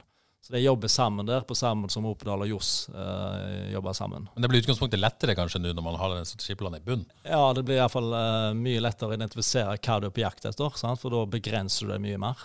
Du kan lett finne en defensiv midtbanespiller som er en kjempegod, men som gjerne liker best å slå tvers over enn i bakrom. Eh, så det gjør jo jobben litt annerledes. Når det gjelder speider, så er det jo sånn at ja, det har vært kjempebra med en eh, speider. Eh, det er alltid et ressursspørsmål. Du ser jo f.eks. Tromsø som har hatt kjempesuksess med å plassere uh, Jo Inge Matland nede i Oslo og har full kontroll på andredivisjonen der. Uh, og det de har fått ut av det, med de ressursene de har. Så det er jo noe som jeg kontinuerlig vurderer. men... Uh, ikke planlagt noe der foreløpig. Uh, Tommy Nordnes lurer på hvor mye cash er tilgjengelig for å styrke stallen, og hvordan i all verden klarte dere å ikke gi Søder ny kontrakt? ja, Hvis vi tar første spørsmålet, da, så uh, er jo, Når vi går inn i et år i FK, så er det alltid sånn at vi er nødt til å selge for mellom 15 og 20 millioner før vi kan bruke ei krone. Og Det gjelder jo for neste år, det. sant? Så, samtidig så blir jo det lavere og lavere forholdsmessig etter hvert som spillersalgene øker. Så økonomien i FKH er bedre og bedre fordi det blir mer og mer overkommelig. og altså 15 millioner å selge for i neste år er ikke det samme som det var for bare tre år siden. Og ja, vi har jo mye spennende ute med safere, så vel det også kanskje kan uh, muligens bevege seg etter hvert. Med videresalgsklausuler Ja. og sånt. 15-20, det er selvviktig, er ikke det? ja, det får vi se. Det er det ikke. uh, så uh, for å lande et, eh, et nullbudsjett, som er ambisjonen hvert år, så må vi jo selge spillere. Men sånn likviditetsmessig så har vi en intensjon om at nå må vi eh, legge til rette for at man kan gjøre de eh, handlene som er nødvendige for at Oscar skal få den eh, kickstarten som eh, man ønsker at han skal få. Sødre det vil du- spørsmålet, ja. Det er litt tilbake til dette med sportslig strategi uh, igjen. Det er jo en sak som jeg ikke jeg har hatt uh, på bordet, som ikke skal være på mitt bord. Men det er litt sånn som Søder sjøl har eh, uttalt, at uh, for at vi skal henge med i gamet, så er vi helt avhengig av å, eh, å ha spillere med videresalgspotensial. Og Søder uh, spiller i den posisjonen der uh, gevinsten er størst. Og så kunne man selvfølgelig gått med Søder og så heller gått all in på noen unge, spennende svinger, f.eks. Men det er nå den vurderingen som er tatt. litt sånn Ja. Jeg har ikke utfordra Opedal på det, men Nei, altså ikke de vurderingene, så jeg skal ikke, Nei. skal ikke pushe deg med på den, eh, Kristoffer. Eh, Håkon Brekkå spør eh, hva du syns om resultatet av de siste seks overgangsvinduene. Hvis man ser bort fra Safaris. Ja. Spør vel egentlig om det har vært en, en god nok jobb, da. Jeg syns jo, som alle andre klubber, så har vi noen spillere som slår til, og andre som ikke slår til. Altså de siste seks årene, alle som er i FKH på banen nå, er jo De siste seks overgangsvinduene siden, så det er vel Ja, i siste praksis tre tre år. årene, Ja. ja. Mm. Men det er fremdeles, fremdeles de, de aller fleste som spiller for FK nå, er jo henta de siste tre årene. Ja. Selvik, Bertelsen, Terkelsen, eh, Christensen, Njay, eh, Sorry, Klaus.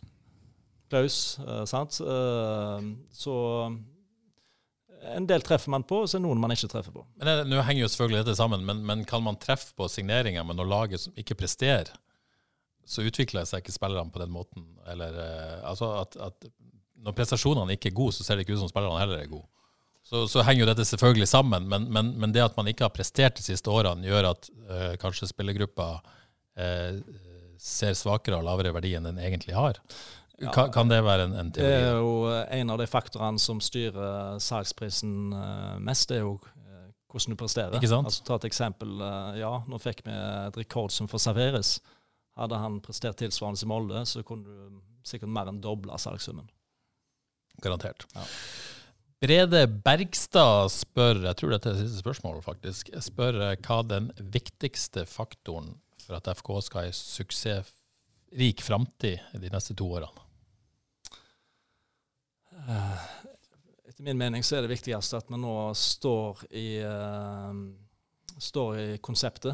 Eh, Det høres litt ut som sånn styrelederprat, men Hvor fløyta? Vi har den her klapperen der nå. Men å bestemme oss for en retning og stå med retningen, Ja. for å si det på den måten. Kan det kommer komme fem tap, da? Ja, men Det er det jeg sier. Bestemme oss for å stå i retningen. Eh, og i prinsippet òg om det skulle blitt nedrykk. Ja. Uh, Gudskjelov altså, om det skulle skjedd, men at om det skulle blitt nedrykk i 24-25, vi står med den retningen nå i fire år, så ser hvor det tar oss. Eh, jeg tror at det, det har så store gevinster både liksom på å sette et lag, mye lettere med overgangspolitikk, mye lettere å få en økonomi i klubben. Så det, det er det jeg tror blir viktigst nå. Går man for topp fem i 2024?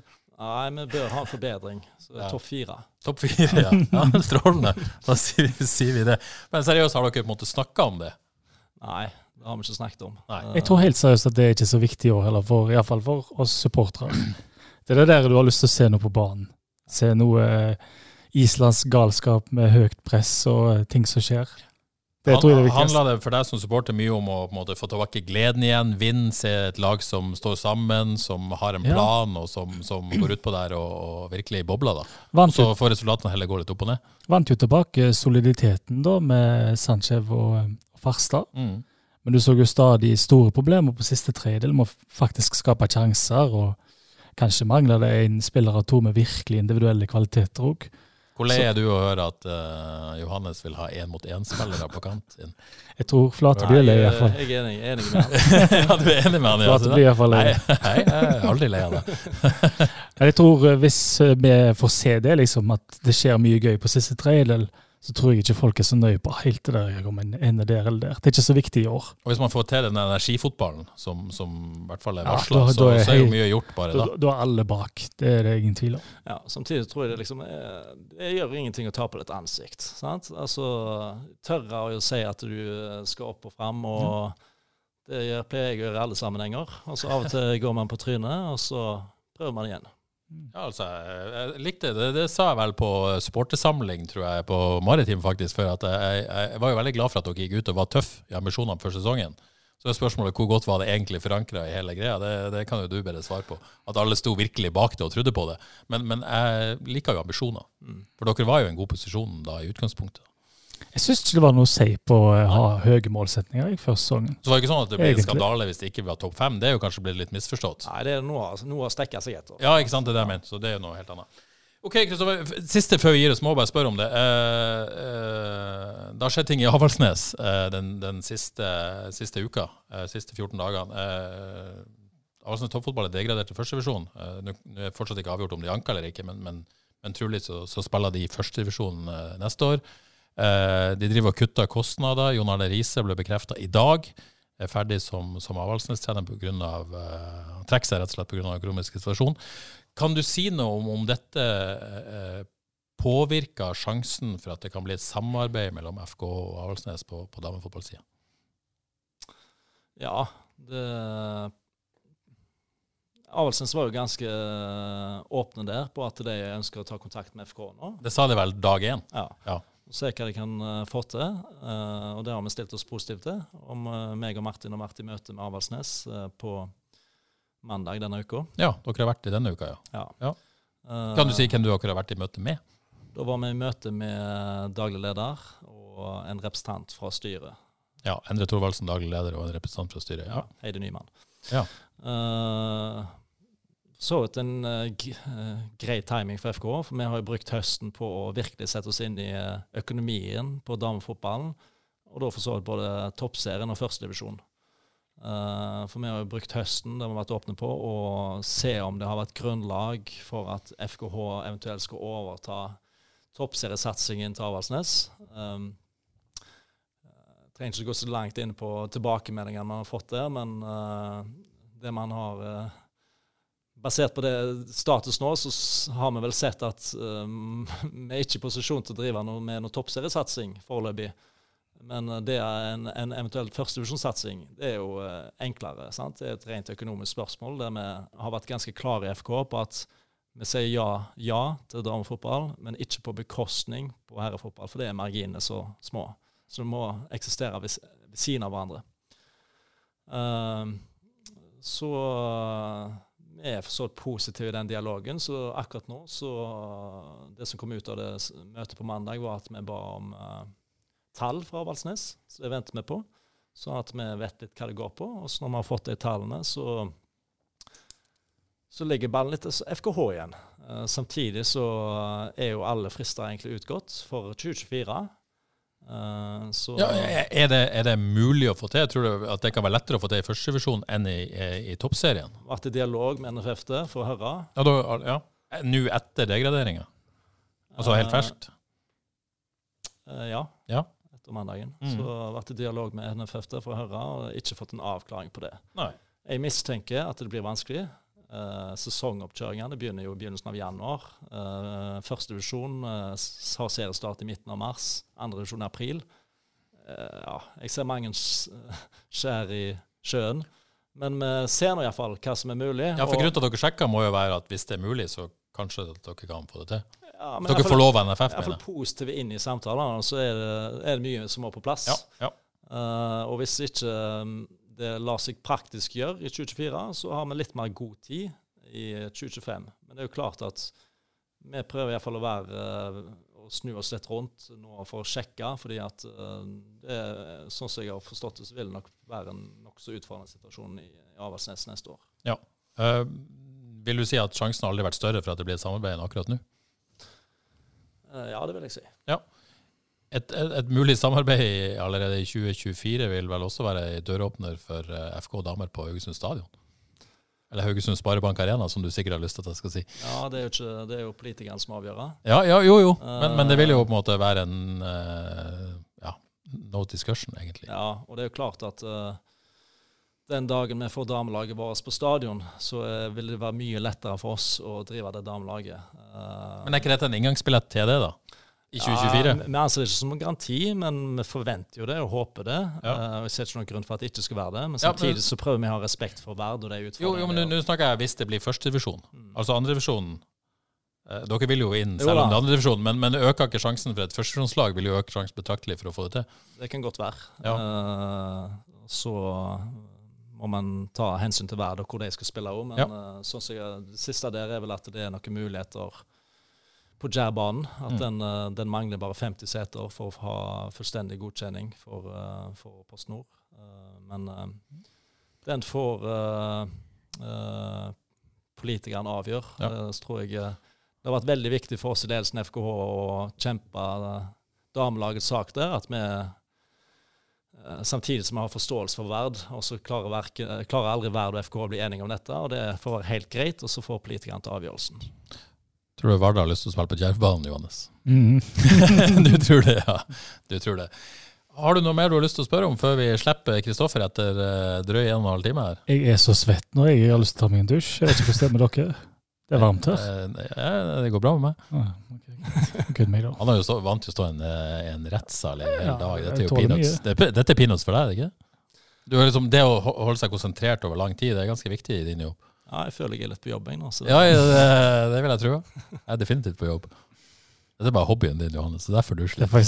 Og jeg får betalt. Dette er forskjell på profesjonelle og amatører. jeg får sånne, noen helt, Men du får betalt, noen helt avsluttende ord, da. Ja. Uh, det så ikke bra ut, uh, det bildet som ble tegnet i avisa. Uh, og man kunne kanskje fått et bilde av at ting var helt kaotisk her og nå i klubben. Det er ikke sånn at jeg opplever det. Dette er fire måneder tilbake i tid. En del er allerede lagt bak oss.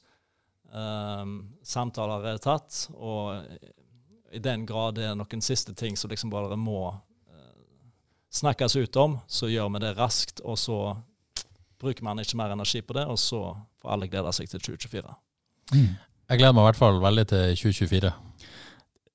Altså, det må jo være en, og jeg eh, husker jeg dårlig, men det må jo være en av tidenes, tidenes anledninger, dette her for å virkelig samles eh, rundt FKH. Ja. Nå eh, er et sår blitt åpna og played og den slags, og vi kan legge det bak oss. Og eh, da kan jo 2024 bli helt magisk. Det går jo før. Skal det være en slags avslutning? tusen takk for at du eh, kom, Kristoffer. Jeg syns det var sporty av deg å stille her og svare. I hvert fall som jeg opplevde at du har gjort ærlig og, og åpent om det du kunne svare på. Eh, så det setter eh, jeg veldig pris på, og det er jeg helt sikker på at lytterne setter veldig pris på. Det er sånt advokater er, vi er ærlige og rett frem hele veien. Det er akkurat eh, det dere er kjent for. Akkurat som journalister. Er det de to yrkene som ligger nederst på sånn tillitslista, tror du vi, vi to har? Ja, det er vel òg hotellansatte. Hotellansatte ligger nok ganske dårlig an òg, vil jeg tro. Ja, men det er en nydelig trio vi har samla i studio her. Vi takker for oss med det. Ønsker dere to god jul og godt nyttår. Og så har jeg fortsatt håp om at Frelst er tilbake med en liten uh, godbit uh, før året er omme. I tillegg til denne kjempegodbiten her. Teaser du nå? Uh, teaser. Fortsatt håp, men uh, ikke helt annet. Tusen takk. God Tusen takk for at dere lytter på, og god jul og godt nyttår når den tid kommer.